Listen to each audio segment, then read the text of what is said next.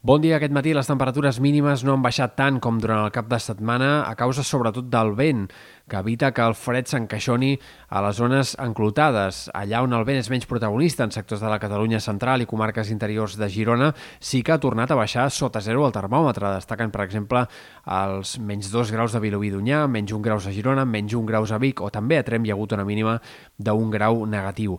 Aquest migdia esperem que la temperatura no varia gaire respecte a ahir, sí que pujarà una mica en sectors de la costa i del prelitorals centrals i la tramuntana ha de continuar sent protagonista aquest dilluns, un vent que encara seguirà bufant amb ganes al Pirineu, a l'Empordà, també a les Terres de l'Ebre i al Camp de Tarragona, tot i que a mesura que avanci el dia, avui sí que ja anirà perdent força de forma bastant definitiva. Aquest dimarts al matí minvarà clarament i a mesura que avanci la jornada anirà desapareixent. Per tant, s'acaba aquesta seqüència de dies de tramuntana que en alguns sectors del nord de l'Empordà ha durat bastant.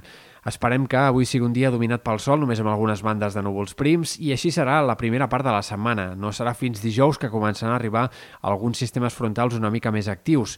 Cap al final de la setmana, sobretot entre divendres i dissabte, hi haurà més variabilitat, més estones de cel mig ennuvolat i fins i tot alguns ruixats al Pirineu, però difícilment arribarà a ploure més enllà de les zones estrictament de més muntanya.